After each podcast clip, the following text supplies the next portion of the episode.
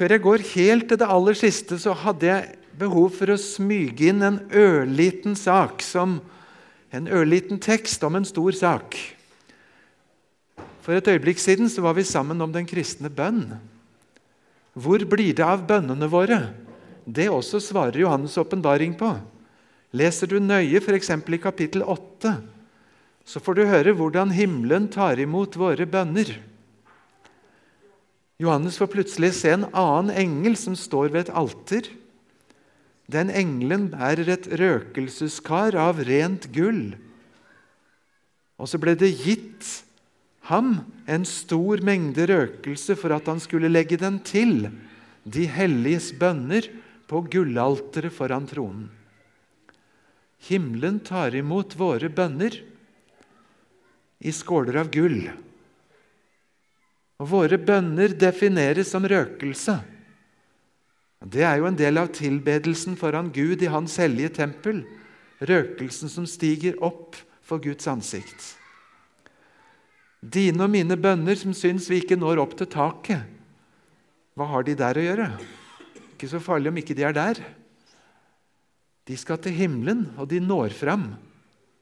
Og himmelen lytter, himmelen tar imot, i skåler av gull. Hva er det Gud samler på? Noen tror Gud samler på synder og nederlag. Jeg ville si Gud samler på våre bønner. Der er de. Vi fikk en oppvekker av det på Fjellhaug en gang. To jenter hos oss de var ute i litt praksis og var med i en sånn innebandygruppe hvor de spilte innebandy med noen oslofolk oppe i en av drabantbyene. Og I pausen, når alle var passe slitne, så hadde de en liten andakt, og så ba de en kort bønn. Disse to jentene fortalte på Fjellhaug Vet dere hva som skjedde i går? Da vi var ferdige å be og ba, sa ammen, så så vi opp i noen ansikter på noen jenter med trill runde øyne og åpen munn som stirret på oss. Wow! Og så spurte en av de, Bedde dere til Gud nå? Ja. Snakka dere med Gud? Wow, sa de til hverandre. Vi har sett live noen som snakka til Gud. Har du tenkt på det når du ber bordbønn? Du snakker med Gud. Himmelen lytter. Når du ber en Fader vår som snubla halvveis uti og ikke kom i mål. En kveldsbønn som rota seg bort i noen andre tanker. Himmelen lytter, skåler av gull live. Du henvender deg til Han som sitter på tronen. Jeg sier ikke det for at du skal få prestasjonsangst for å be, men for sånn som Bibelen gjør, å lokke oss til å få si det som det er. Du sjokkerer ikke Gud med å si det ærlig. Du trenger ikke å sjarmere deg fram med de flotte ordene.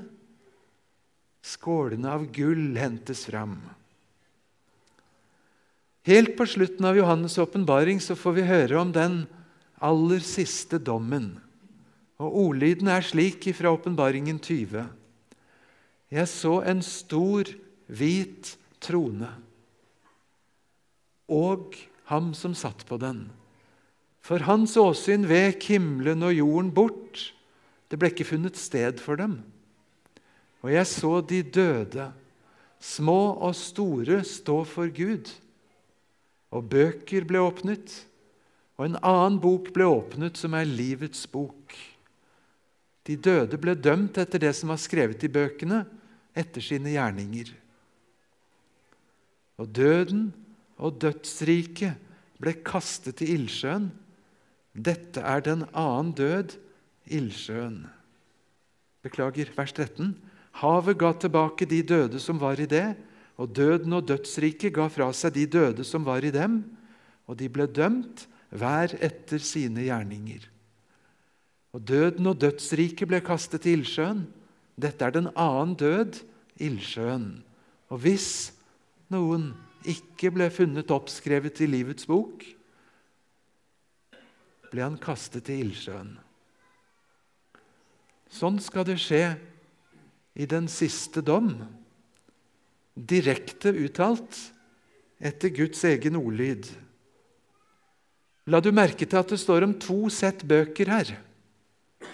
For å få det fram så markerte jeg med rødt de bøkene der alt vi har gjort, sagt, tenkt, forsømt, står skrevet. Og som med grønt den boka som heter Livets bok. Himmelen har altså to sett med bokføring.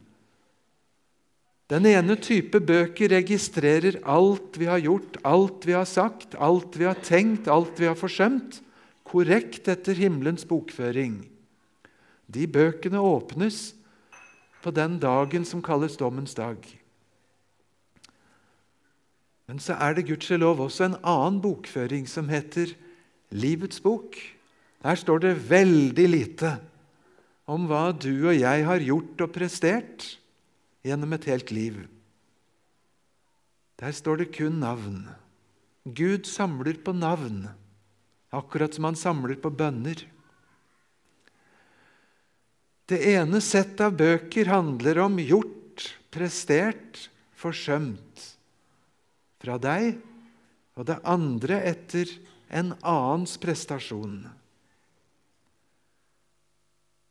Når du eller jeg skal kalles frem for den siste store dom, så skal Gud se etter navnet vårt i livets bok. Og står det der, så er saken avsluttet. Ingen spør etter dine prestasjoner og hva du maktet. Står navnet ikke der, så er det over til det andre settet med bøker som har registrert alt vi gjorde. Og Så blir det en helt rettferdig dom i samsvar med hva vi har gjort. Så er frelsen bare av nåde, men fremmed rettferdighet, som Luther sa. En jeg har fått hos Jesus. Og For dem som ikke har del i den frelsen, så er det en rettferdig dom i samsvar med hva jeg gjorde. Og Så blir man frelst av nåde, eller går fortapt, helt rettferdig i samsvar med hva vi har gjort. Synden kan bare være to steder, sa Luther. Enten så er den hos deg og henger rundt halsen din, eller så er den hos Jesus og henger rundt halsen på ham. Hvis mine synder har flyttet fra min hals over på Jesu hals, så kosta det Jesus livet å sone det. Men så er den ikke her. Så er jeg frelst, så er jeg fri så er jeg skyldfri. Så er jeg hellig, ren og ulastelig. Står for Gud som jeg aldri hadde syndet. Og navnet skrevet i livets bok. Uten spørsmål etter min prestasjon og medvirkning. Hører du hvordan alt avhenger av nåden? Og der nåden er avvist, så avhenger alt rettferdig av hva jeg gjorde eller ikke gjorde. Hva skjer når hver enkelt av oss dør? La oss si vi skulle dø før Jesus kommer tilbake igjen. Hva skjer fra det øyeblikket livet her slutter, og til det øyeblikket når Jesus roper ut av gravene og den store oppstandelsen? Er det en pausetid? Er det en tid med vakuum? Er det søvn? Hvis jeg tenker på min far som døde for 45 år siden Er han allerede hos Gud i saligheten? Kan han se og følge med på livet her? Ligger han i en grav? Og Hvis han sover, vet han av at tiden går? Hvordan skal vi tenke om den mellomtilstanden som noen har kalt dette? Hva sier Bibelen egentlig om det? Jeg tror mange kjenner en trøst i Jesu ord til røveren på korset. I dag skal du være med meg i paradis. Og flytte rett fra Golgata og til paradis. Parentes. Noen bibeloversettere knytter ordet 'i dag' til setningen før. Jeg sier deg i dag. Du skal være med meg i paradis. Og Da blir det noe presset og si nå i denne stund, om noen øyeblikk, så er du i paradis, hvis det skulle stå og falle på den teksten. Og Så har vi lignelsen om den rike mann og Lasarus. Der får vi jo et veldig sterkt inntrykk av at straks den rike mann dør, og straks Lasarus dør, så går de inn i saligheten eller i pinen. Og Skulle vi presse lignelsen, så høres det ut som de kan se fra det ene stedet til det andre og nesten kommunisere, og at det hele foregår parallelt. Og Så er det kanskje et spørsmål er en lignelse sånn at vi skal presse hver bit, som om dette var fortelling om dogmatiske realiteter. Eller er det en lignelse som skal få fram poenget med det skillet som nettopp ikke lar seg forsere med hjelpesendinger eller noe annet? Hos Paulus så finner vi Filipperne 1 en tekst hvor han gjør et rart tankeeksperiment. Han sier når det å være misjonær bare er å gå fra fengsel til motstand til trøbbel og nytt fengsel, og jeg får slag og piskeslag var det ikke bedre å få lov til å dø på flekken og komme til Gud? Jo, sier han, det ville være en stor fordel. Var det opp til meg, så ville jeg gjerne flytte på flekken. For det er meget, meget bedre å være hos drag. Og kan jeg enda bli til frelse for noen? Ja, da må jeg sammenfatte og si livet er Kristus og døden en vinning. Jeg velger ikke selv. Det får ligge i Guds ånd. Noe lignende sier han også i 2. Korinterbrev 5. I møte med døden, som oppleves som om jeg skal bli avkledd og naken, sier han, så jeg er likevel frimodig. Jo, jeg ville heller være borte fra dette legemet og hjemme hos Herren. Det er da så mye, mye bedre. Men så var det oppgaven som ikke var fullført, og som Gud, Herren, disponerer. I Daniel 12 så står det en tekst som også Jesus siterer i Johannesevangeliet, som taler om den store dagen når Herren skal vekke opp de døde. Og Det er der kanskje framfor alt vi har uttrykket 'døden som en søvn'. De som sover i jordens muld, de skal våkne opp, noen til evig liv, men noen til skam og evig avsky. Da Landstad skrev den salmen som har vært sunget i begravelser i 140 år i Norge, 'Jeg vet meg en søvn i Jesu navn', så er det Daniel 12 som gir dette begrepet søvn. Vi vet at Jesus sa noe lignende om Lasarus. Han sover. Menneskelig sett så er det liksom som om tiden går mens du sover. Men kanskje er det sånn at den som er død, flytter ut av tiden. Akkurat som Gud heller ikke er fanget av tiden, sånn som du og jeg er. Og så opplever vi at det må jo bli en lang tidsperiode med en mellomtilstand, som kanskje er bare uttrykk for at vi er fanget i dette på en annen måte. Jesus sa uttrykkelig 'Den timen kommer' da alle som er i gravene, skal høre hans røst, og de skal komme ut. Høres ikke ut som Jesus snakker i fremtid? Det kommer en dag da de som er i gravene, skal. Og så spør vi oss er det et gjensyn på den andre siden, sånn at vi kjenner hverandre igjen.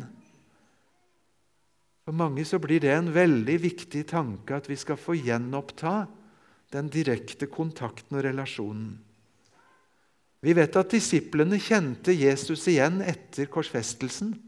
Det var noe overraskende og litt sånn Han måtte forklare dem 'dette er meg'. Og Likevel så kjente de ham igjen. Og det står jo at vi skal bli liksom han. Og Vi må ikke tenke sånn at oppstandelsen bare er en sånn åndelig opplevelse. Har du tenkt over hvordan vi hver eneste søndag bekjenner legemets oppstandelse? Kroppslig oppstandelse. Da Paulus begynte å snakke om det på Areopagos, så ble han nærmest pepet ut. Og Der slutta den store talen på Areopagos. Skal kroppen begynne å leve igjen etter døden? Uhørt for en greker. Ja, slik lyder det. Igjen så har vi lignelsen om den rike mannen og Lasarus, som ser ut til å kjenne hverandre igjen.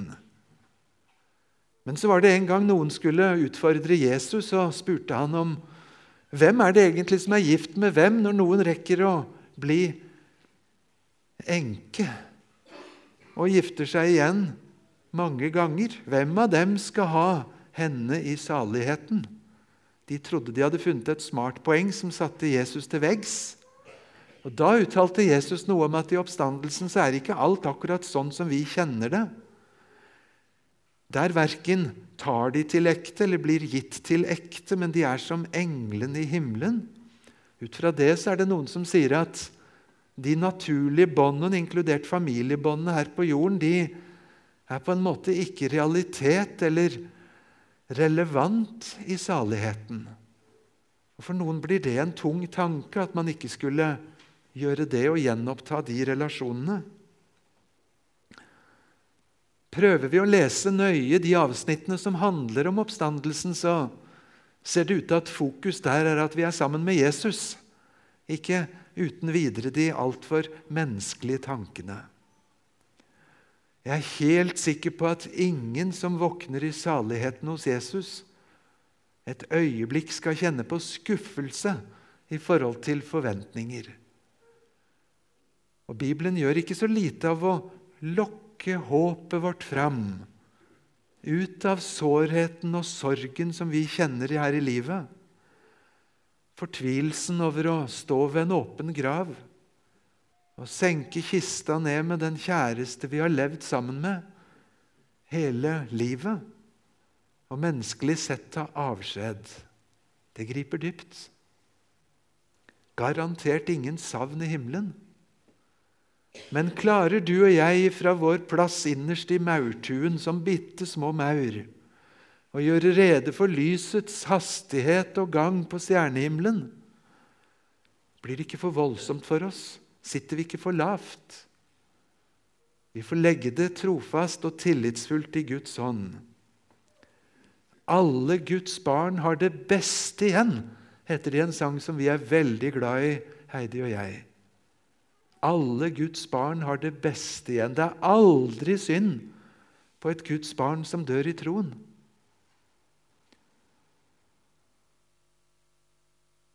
Jeg vet ikke hva fremtiden bringer meg, men jeg vet hvem som bringer meg fremtiden. Det er ikke akkurat et bibelsitat. Jeg tar det fra en sang som Elvis Presley sang.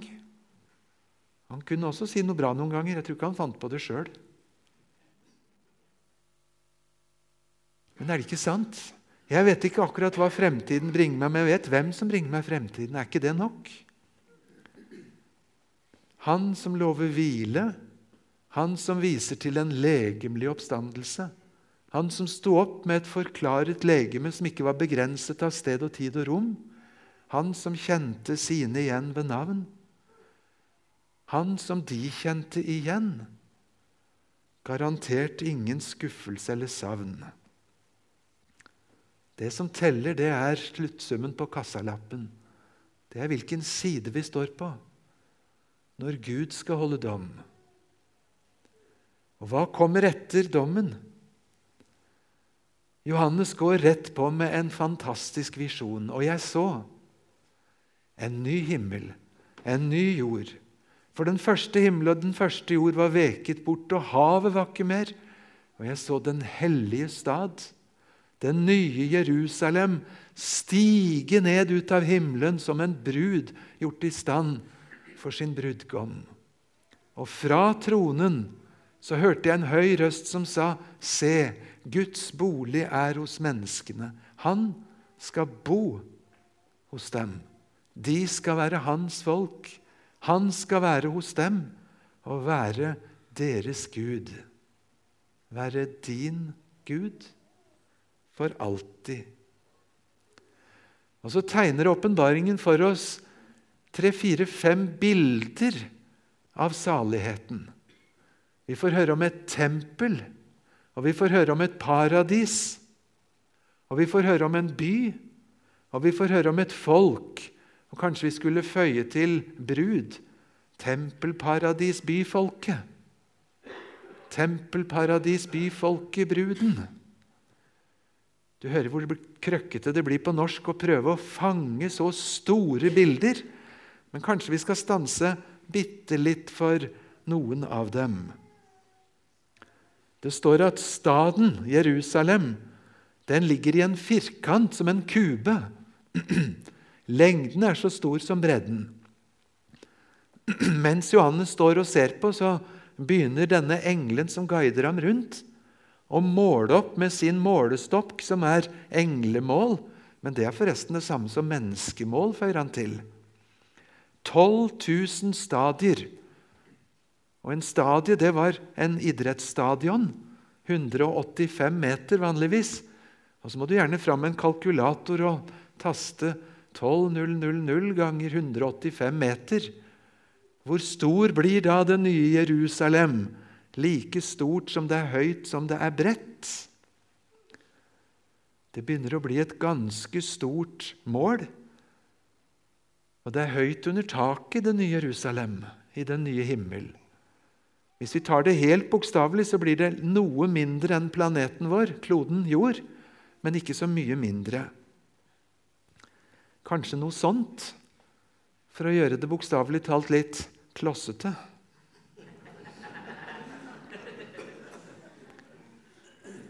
Hvis det går an å bruke legoklosser til å ane noe av glansen og formasjonen, og så ser Johannes det nye Jerusalem siger ned ut av himmelen ifra Gud.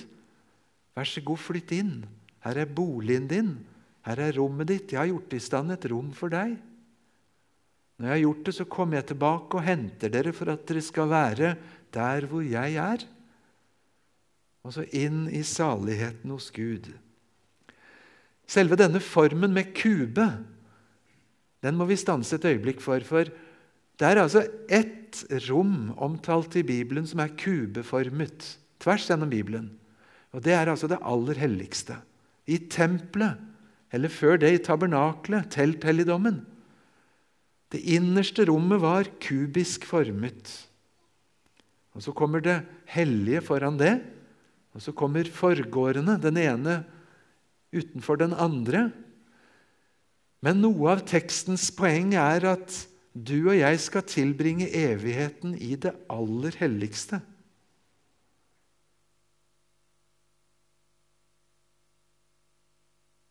Ikke det litt av en tanke å skulle bo der inne, der Gud bor?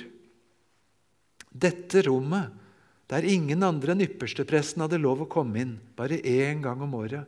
For der bor Gud. Og kom han dit, så måtte han bære soningens blod foran seg. Det skulle sprutes på alteret.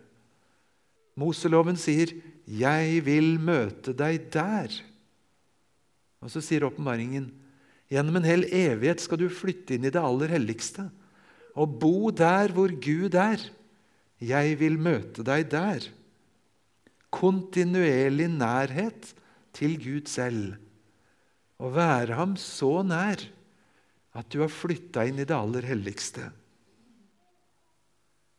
Og Så står det mer om hvordan denne byen bygges opp. og Da er det over fra tempel, delvis over til mur og til grunnmur.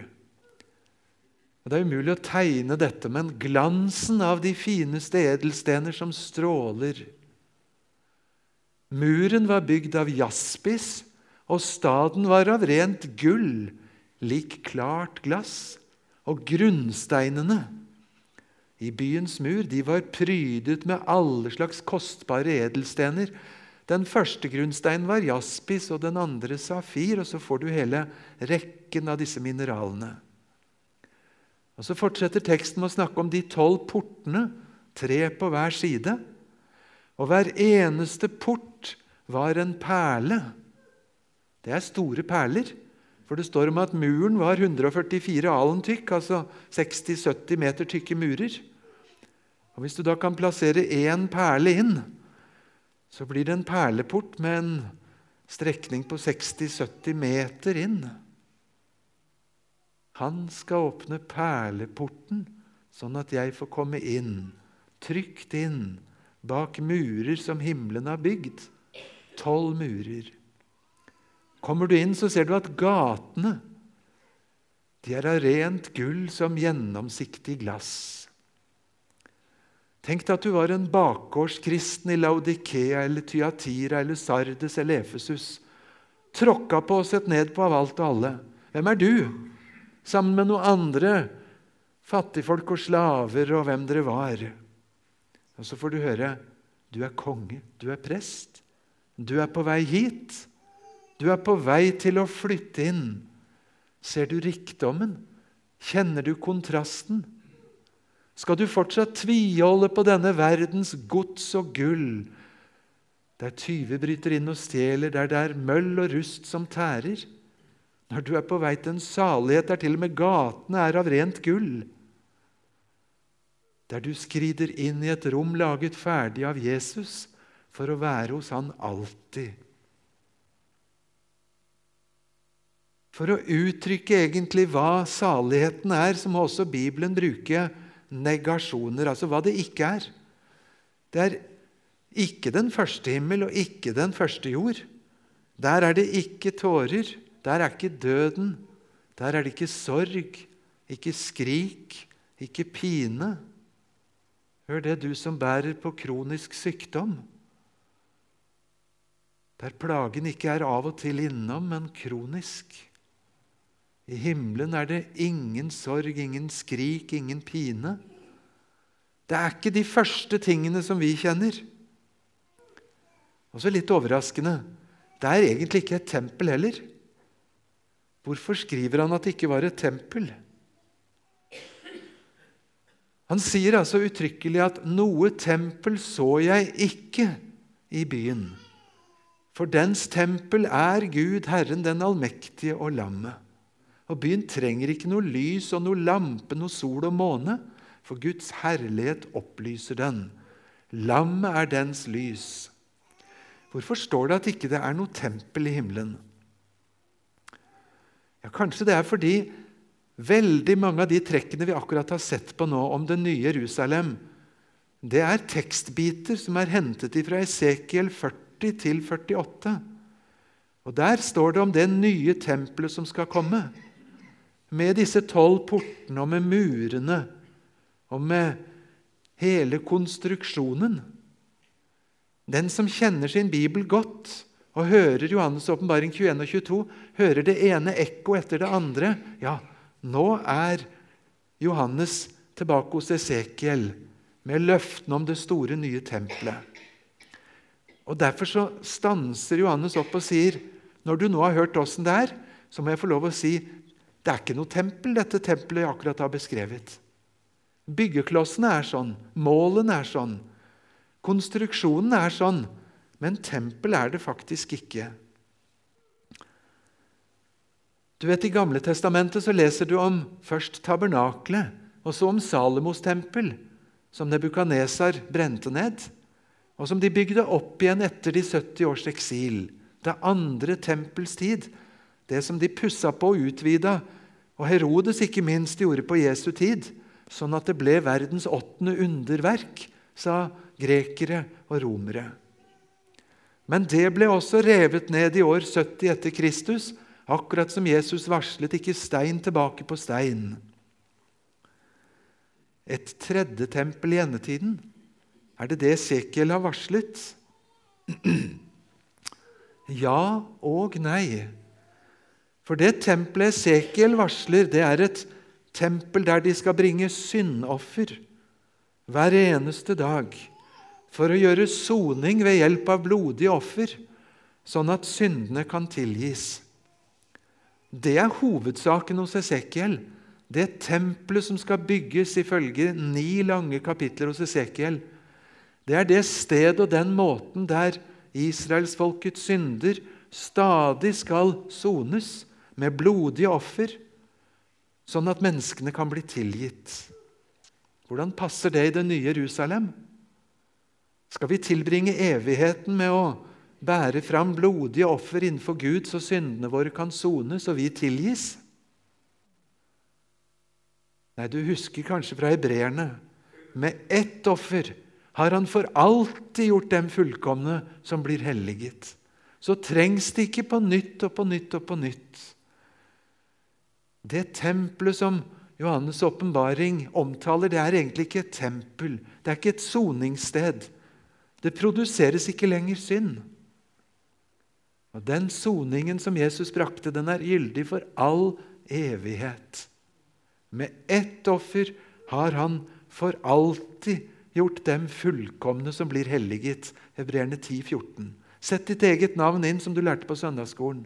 Med ett offer har Jesus for alltid gjort Sverre fullkommen. Fullkommen. Hvem andre kan mene det om meg enn Gud? Hvem andre har noe med det enn Gud? Så er Jesu korsdød på Golgata gyldig for tid og evighet. Og så er det på en måte tempelet vi aner ut av Esekiel, som fyller himmelen. Men det er ikke noe tempel mer, for soningen er fullført.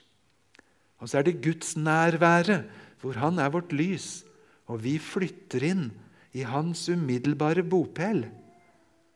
En bolig er den eldgamle Gud, og du skal flytte inn. Derfor så syns jeg det er noe som ikke går helt opp når medkristne tenker at det er viktig at vi kommer i gang og får bygd et tempel i Jerusalem. Jeg forstår hvorfor tanken dukker opp, ikke minst ut fra Esekiel. Og samtidig Esekiel sitt tempel til soning for våre synder, skal vi det? Jeg spurte en pinsevenn-venn som jeg har, om hvorfor han syntes det var så viktig å få bygd et nytt tempel opp igjen i Jerusalem når det er fullført. Og Han ble litt svar skyldig, og så til slutt så sa han ja, men det står jo noe om at Antikrist skal regjere fra tempelet, så da må vi jo, skal vi få noe fart i sakene, så må vi få opp et tempel, i hvert fall sånn at vi kan komme videre. Jeg tror han syns han forsnakka seg sjøl, men det var vel ikke akkurat vår oppgave på soningens vegne å skulle rigge en scene som Antikrist skulle ha. Om det skal skje eller ikke, det er ikke til deg og meg kanskje å bestemme. Men i saligheten så er det Gud bygger, ikke et instrument for å sone synder som stadig produseres. For det løpet er fullført en gang for alle. Har du og jeg lov å lengte til himmelen? I salmebøkene våre så har vi sterke tekster om det, særlig hos Brorson. Mitt hjerte i meg ler når jeg min grav beser. Du har sikkert sunget det i salmen 'Guds sønn har gjort meg fri'. Har du trang til å gå hjem og synge det? At du ler inni hjertet ditt når du tenker på at du skal legges i en grav? Det er dristige ord. Min død er ferjemann til livets rette land, sier brorsan. Jeg skal ta ferja. Når himmelen blir dem lys og kjær og yndig, da blir Herrens hær i striden myndig. Det gjør noe med oss at vi vet hvor vi skal. Jeg bærer den fred med meg i mitt hjerte at Jesus har lovt meg en evighet med seg. Det gir en beredskap i møte med sykdom, død, endetid, trengsler. På vitnemøter har jeg mange ganger hørt det. Minst en god misjonsmann, jeg får si hjemme i Vestfold, ved Larvik. Han sa på god dialekt at det er somtider jeg lengter så fælt at jeg nesten ikke heler, sa han. Jeg holder ikke ut. Skal jeg subbe etter her? Han syntes ikke han dugde til noe mer og var gammel og klar for å flytte. Men er det rett? Er det rett å lengte bort ifra der Gud har satt deg? Er det ikke en mening med at vi er der vi er? Igjen, jeg forstår så godt når lengselen stiger ut av kampen, smerten, når du står ved graven til en du var så glad i. Skal vi alltid lengte til himmelen? Eller er det best etter fylte et eller annet?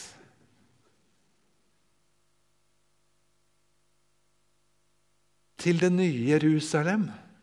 Sånn har noen tenkt seg at det gamle Jerusalem i Israel så ut mot Jesu tid, da Herodes hadde bygd ut denne enorme tempelplassen og de kolossale støttemurene.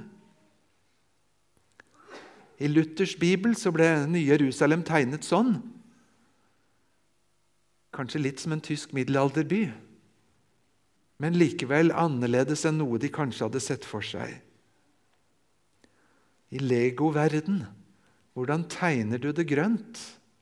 Hvordan former du det? Er det verken tegning, maling, skulptur eller klosser som kan få fram livets elv? Og Dette livets tre det er veldig rart formulert på gresk, for det står plantet på begge sider av elven. Har du klart å plante ett et tre på begge sider av én elv? En gåtefull formulering som, som ikke er så enkel å komme språklig til rette med. Men det er gjenklang av paradiset fra Eden. Og Samtidig så er det enda annerledes. Til og med bladene er til legedom for folket. Og fruktbarheten så stor at en gang i måneden så kan du høste fersk frukt. Det sprenger våre kategorier. Bibeltekstene snakker om at vi skal håpe og vente og tro noen ganger med røffe uttrykk som at Herrens dag skal komme som en tyv. Et negativt bilde, er det ikke det? Innbrudd. På natta når du ikke var forberedt. Himlene skal få gå. Alt sammen skal brenne opp. Jorden og alt som er bygd på den, skal bare bli en ruinhaug som ryker og brenner. Alt dette skal gå i oppløsning. Himlene skal oppløses i ild. Men vi venter etter hans løfte nye himler og en ny jord hvor rettferdighet bor.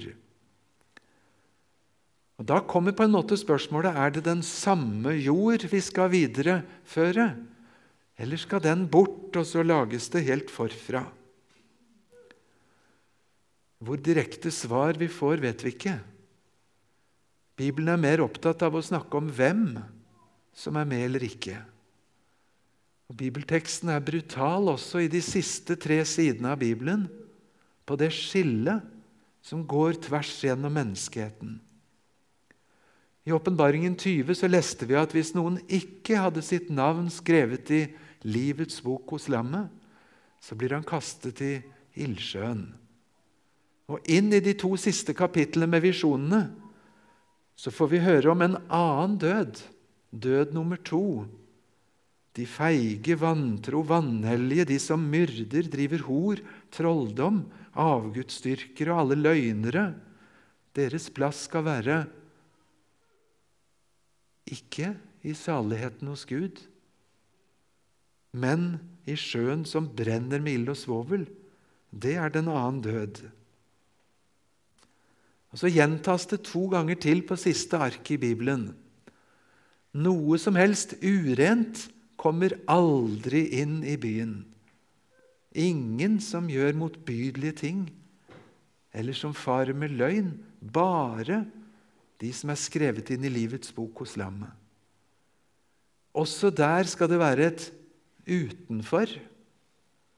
Der finner du hundene, de som driver med trolldom, de som driver hor, morderne, avgudsdyrkerne, alle som taler løgn, som elsker løgn.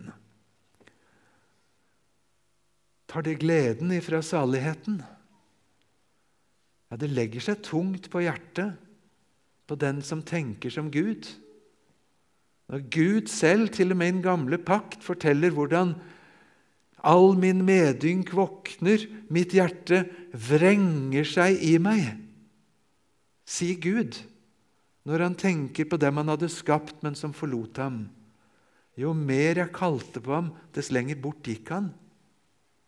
Enda det var jeg som bar ham på armen, løftet ham opp til mitt kinn.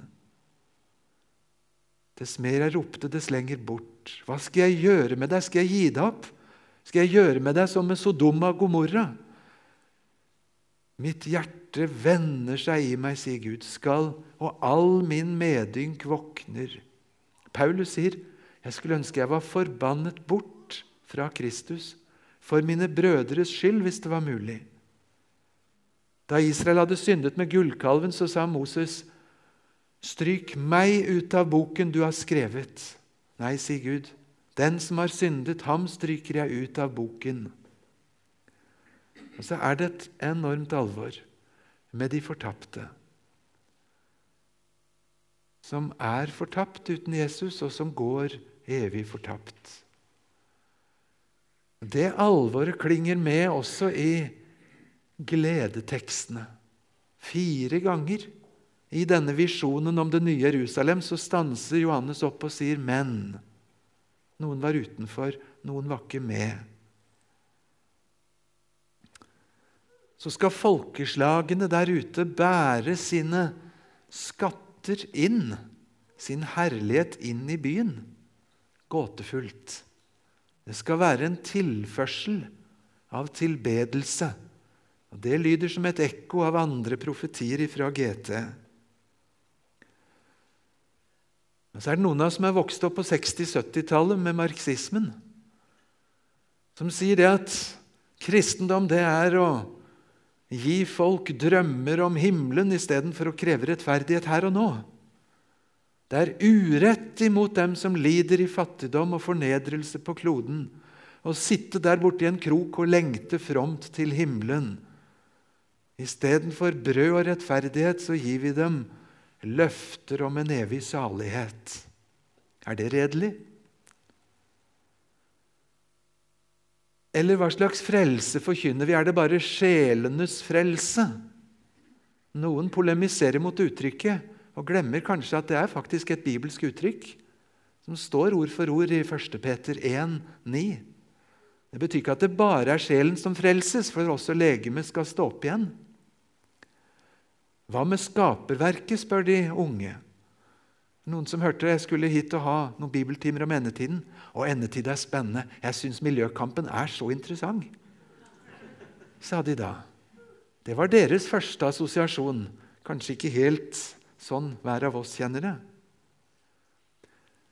Er det vi som skal evakuere ifra en verden som uansett skrotes? Eller er det Gud som kommer flyttende til oss? Er evigheten der eller her? En ny himmel og en ny jord, hva betyr det? Det er to ord for 'ny' på gresk. Kainos det betyr ny av en helt ny kvalitet. Neos det betyr en til, en ny en. Og så er det Noen som tenker at det er ikke sånn at Gud har en planet nummer to. Men han gjør noe med planet nummer én, sånn at den oppleves og fremstår helt ny. Vi skal ikke kverulere for mye med gresk, men det er en spennende nyanse der. I Gud den allmektige Faders hånd så vet Han å skape akkurat den rammen som skal fylle vår evighet. Vi bekymrer oss ikke over det. Det står da også at Guds bolig er hos menneskene. Er det Gud som skal flytte hit, eller vi som skal flytte dit, spør da noen. Vi leste akkurat fra 2. Peter 3, den voldsomme teksten. Jeg var på en bibelforskersamling i USA. På et av mange seminarer. Til sammen var det 10 200 teologer samlet i mange dager. Et av dem så skjelte de ut andre Peter 3 og sa det er ødeleggende for miljøkampen med sånne bibeltekster. sa de. Det skaper en forventning om at det er ikke så farlig om vi steller dårlig med planeten vi har fått, for den skal skrotes likevel. Jeg spurte om noen hadde møtt mennesker som faktisk mente det, for jeg har hørt så mange som sier at noen kristne sier det. Til nå har ikke jeg enda møtt noen som sier det, men jeg har hørt at noen sier at noen har sagt det. Jeg syns ikke det var noe pent sagt at kristne gjør så med det Gud har skapt. Jo, det er et veldig markant brudd mellom den virkeligheten som vi kjenner, og den som Gud varsler. For Guds åsyn vek det bort. Det ble ikke funnet noe sted lenger for den gamle jord, og ikke engang den gamle himmel. Står det om noe miljøkamp i endetiden i Johannes' åpenbaring? Ja, det står noe i kapittel 11 som kanskje ikke vi har lagt så veldig merke til. Når Gud trer fram og tar makten ifra denne verdens fyrste Satan kalles jo denne verdens fyrste. Men når Gud tar direkte grep og tilintetgjør Satan, hva skal han da? Ja, Du ser det med rødt på veggen her. Da skal Gud ødelegge dem som ødelegger jorden. Har du lagt merke til den formuleringen før? Akkurat sånn det står på gresk. Har det med miljøkamp å gjøre? Ja, det er vanskelig for oss å liksom overføre bit for bit akkurat på hva vi opplever i dag som den viktigste kampen for det hele. Jeg skal ikke rote meg ut i det. Men legg merke til hvordan selve oppdraget på side 1 og 2 i Bibelen var. Da Gud hadde skapt hele jorden og dyrene, så skapte han mennesket i sitt eget bilde. Og så ga han oss oppdrag om å råde over både havets fisker, himmelens fugler, alt feet og alt på jorden og alt som kryper. Gud har satt mennesket i et oppdrag med å skulle råde over det. Hører du forskjellen på å råde over det og så herse med det? Det er noe som er god forvaltning, og så er det noe som er dårlig forvaltning. Oppdraget på side 1 er at vi skulle råde over dette. På side to så står det Unnskyld. På side 2 så står det et lignende uttrykk. Mennesket ble satt i hagen for å dyrke den og verne den. Merkelig at det skulle være et verneoppdrag før syndefallet. Hvis det var relevant da, så er det ikke mindre relevant nå. Går du hjem og tenker om deg selv at Gud har satt meg på denne planeten for å råde over den, for å dyrke den og til og med for å verne den. Når Gud i himmelen legger sånn omsorg i sitt skaperverk, og han ber deg om å verne den, så blir det veldig dårlig vern å skulle oppføre seg som en bølle og forvalte den dårlig. Og Likevel så er det ikke akkurat disse sidene som får mest fokus, verken tvers gjennom Bibelen eller i møte med endetiden.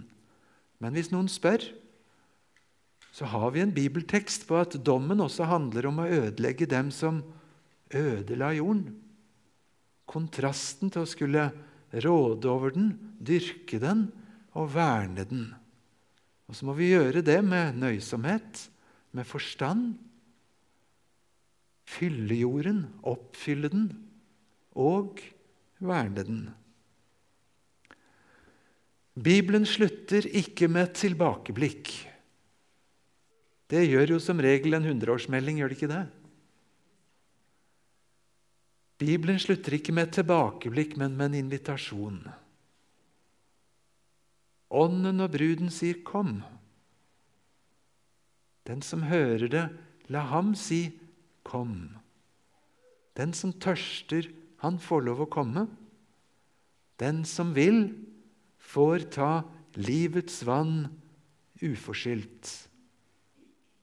Vi går ikke ut den døra ut i gata igjen etterpå med et tilbakeblikk på noen tusen års historie med kloden, gjør vi det? Blikket er vendt framover mot evigheten. Men det er også vendt like ned ved siden av hånda vår, til dem Gud satte oss sammen med i dag. Du som har hørt Jesus si 'kom', nå må du også si 'kom', og fortell dem der ute at de får lov å forsyne seg av livets vann helt uforskyldt, uten penger, uten befaling. Også Johannes' åpenbaring er en misjonsbok. Også endetiden er arbeidstid. Også denne søndagen er arbeidstid. Det er som om Gud selv formaner gjennom oss. La dere forlike med Gud. Vi er Kristi sendebud, Kristi ambassadører. Vi sier 'kom'. Ikke kom til oss og bli sånn som vi er, for vi er så veldig bra. Men kom til livets vann. Kom til Jesus, alle som strever og har tungt å bære. Enda er det misjonstid. Enda er det invitasjonstid. Og så bærer vi med oss gleden og jubelen inn i en hverdag som er rimelig grå. I morgen er det mandag.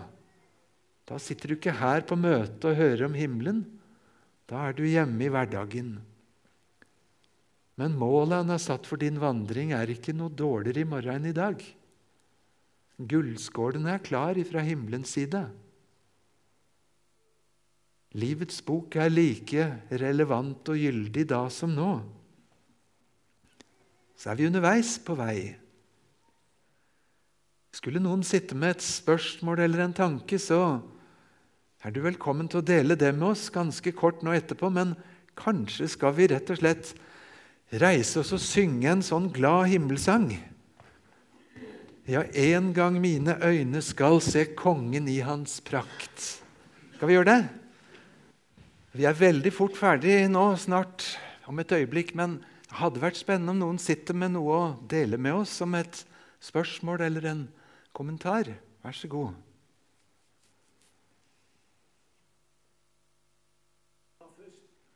Kan, ja. Først vil jeg bare takke så hjertelig mye for min egen del, for at du ville komme.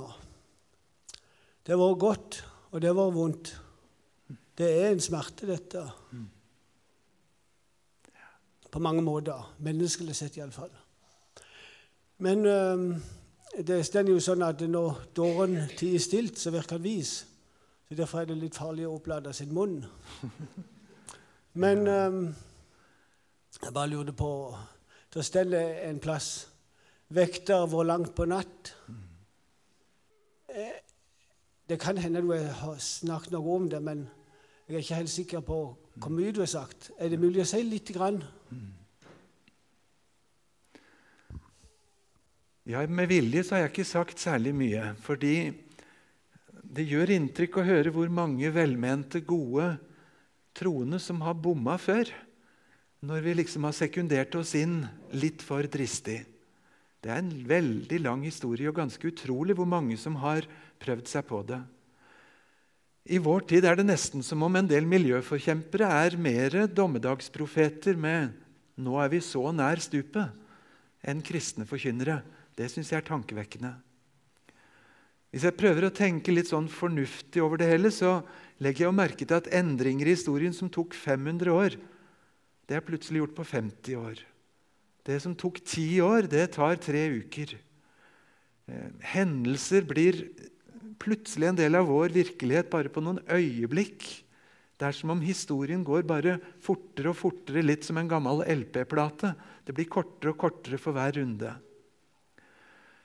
Det er vårt inntrykk fra vår side, vi som sitter lavt. Hvis vi spør etter endetidstegn på natur, på samfunnsliv, på politikk, på ensretting, ser vi liksom tegn til hvordan Antikrist skal kunne tre fram. Vi spør etter forfølgelse av de troende. Vi spør etter hva skjer rundt Israel. Så blir det til sammen et ganske voldsomt rop tilbake. Det kan da vel ikke være lenge igjen? Så jeg går med den følelsen. Men jeg prøver å være noe tilbakeholdende med å liksom tidfeste med uker, år og lignende. For det er så mange som har ment det rett og kjent Skriftene bedre enn meg, men som har tatt feil. Men jeg vil lytte etter lyden av hans trinn. Det er veldig sterkt sagt i den sangen. Jeg vet at han kommer, og nå lytter jeg etter de første trinnene enda et stykke unna, men det kommer nærmere. Altså jeg er veldig redd for de skjemaene som vi skal krysse av liksom bit for bit, sånn at vi kan vite og ha kontroll på hvor nært vi er der. Sånne skjemaer de er menneskelaget, og jeg er redd de kan bomme stygt. Og Samtidig så vokser de ut av et ønske om å ta ting på ramme alvor. Kanskje er det flere som har tenkt på noen sider av det? Eller andre ting. Vær så god.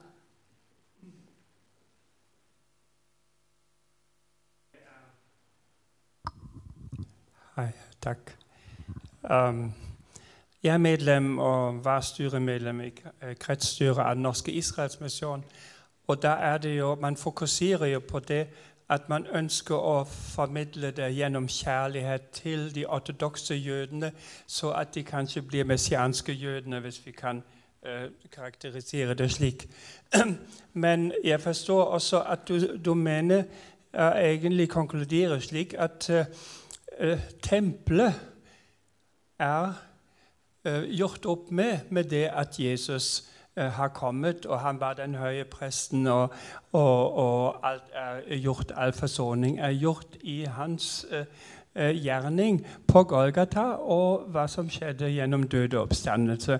Så vi trenger egentlig ikke lenger Eller vi kan også oppmuntre ortodokse jødene til å la være å fokusere på den jordiske tempelen. Ja, hvis jeg skulle få den lykke å snakke med en ortodoks jøde som spør oppriktig etter et tredje tempel, så ville jeg først og fremst ha noe å si ham om det andre tempelet. I den mening, altså der Jesus ble ofret for våre synder til soning. Og det er det vendepunktet for jøde og for meg som ikke er jøde. Og så er det underlig at dette Esekiel-tempelet, som er så profetisk hos Esekiel, det blir ikke plassert i endetidens trengsler i Johannes' åpenbaring. Og ikke i de tusen år, men i kapittel 21 og 22, etter den siste dom. Da kommer det på en måte tilbake, men ikke som et tempel der man soner synder, men som tilbedelsens ramme innenfor Gud selv. Men at lille jeg skulle stå opp og si at det, det skal aldri skje at det bygges et tredje tempel, det ville jo være dumhet og galskap. Og Jeg også leser hva Jesus har sagt i Matteus 24 og Markus 13 om kampen til slutt, hvor den onde skal ta seg til rette på det hellige sted og gjøre slik eller slik. Om det er noe som skal bokstavelig skje i et slags tempel, det våger jeg ikke å si. Men det er noen vers i Matteus 24 som vi gjør vel i å lese nøye og lytte etter lyden av hans trinn.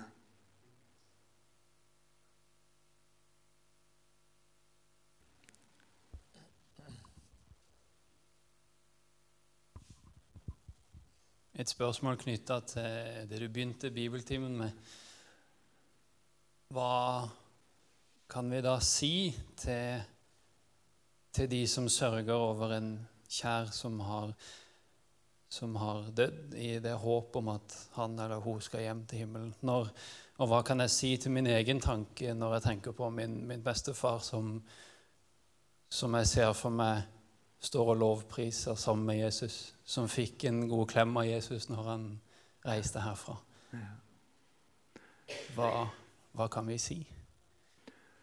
Jeg har aldri noensinne hatt behov for å liksom gå i rette og plukke fra folk trøst som de bærer på vegne av de som har gått hjem til Gud, de som i dag er med meg i paradis.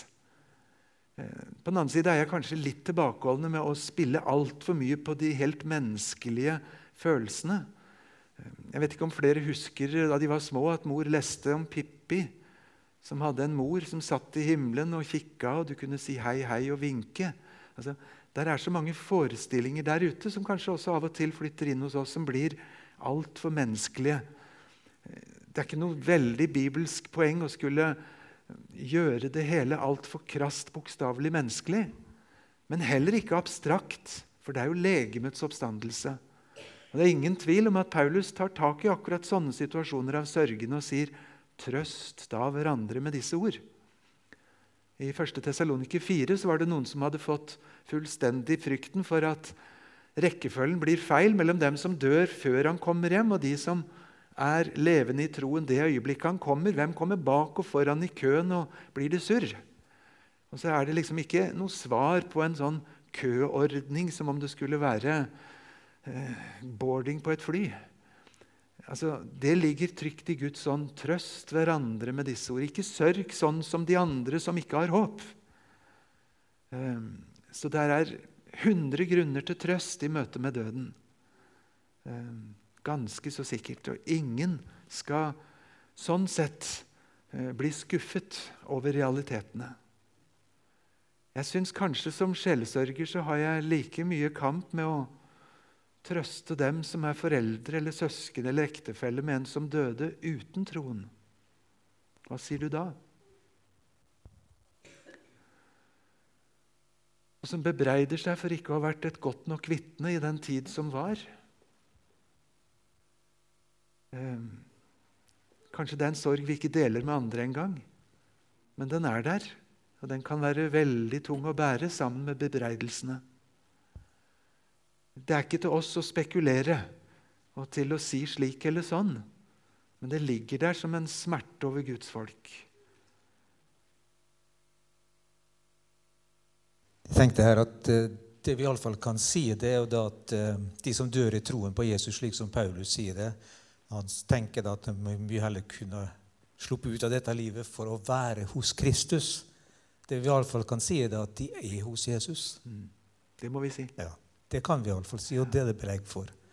Og så er det ofte at vi legger menneskelige tanker i hva det betyr å være hos Kristus eller være i himmelen. Men det skal iallfall bli en legemeloppstandelse, som du er inne på. da.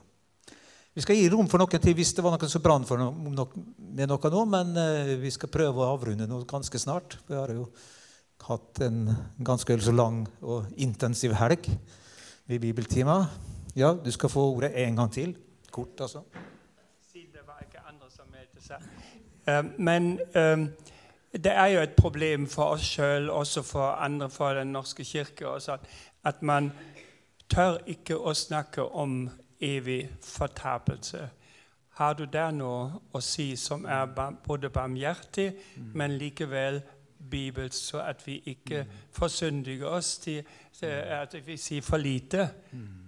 Altså Under sånne touchy saker, f.eks. at en, en, en, nærmeste slektning trodde ikke eh, Har vi ikke da et oppdrag til å formidle det. Man kan jo selvfølgelig legge det fra min erfaring også som prest eh, inn i uh, besøket etterpå. og sånn. Altså, Man kan senere snakke litt om det. Men har du da noen tanke hvor skarpt man skulle eh, nevne og snakke på mens folk sitter foran i sånne forsamlinger som her? Jeg syns det er fryktelig trist at kristne og kirker ikke sier noen ting om fortapelsens alvor når Bibelen gjør det. Og så er det tragisk når noen direkte motsier det og, og fornekter det. Mange steder, og mange mer frimodige enn noen gang. Og Det er jo fryktelig alvorlige ord som rundes av i åpenbaringen om dem som legger noe til eller trekker noe fra. Og ikke mange av dere skal bli lærere, for dere skal få en dess strengere dom, står det i Jakob 3.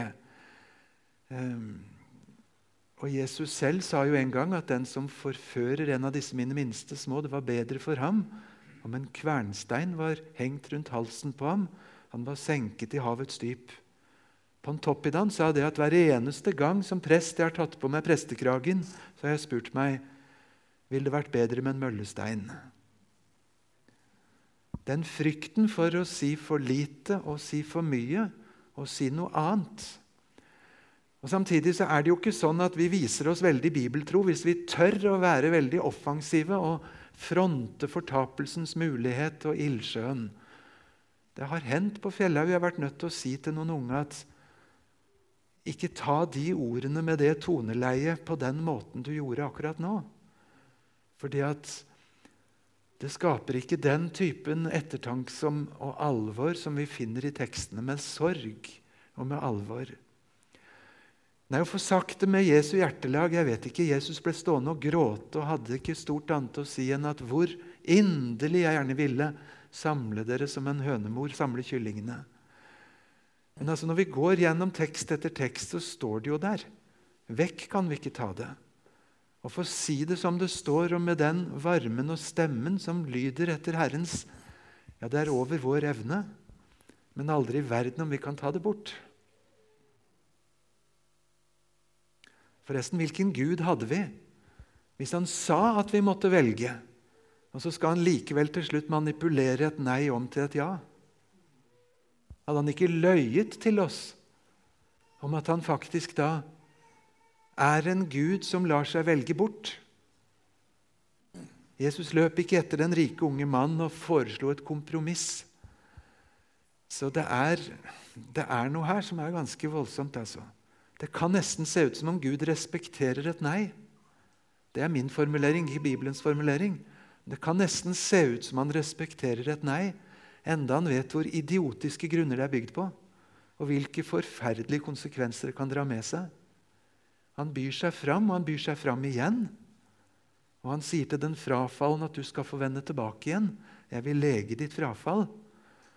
Men han avlyser ikke alvoret i det. Så det må vi også bære med oss som et alvor, da.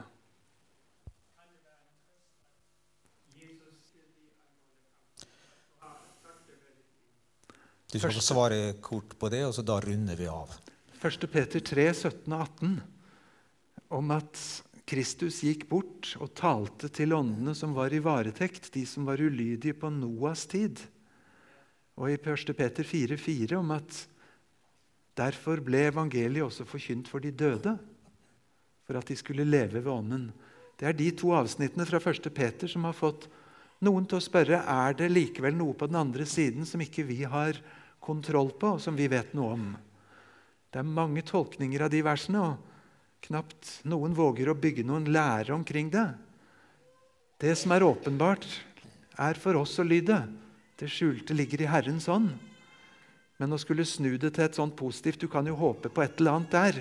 Det vil jeg ikke våge å gjøre ut ifra så vage tekster. Men det er altså 1. Peter 3, vers 17 og 18 og kapittel 4, vers 4, hvis du vil slå det opp og lese det siden.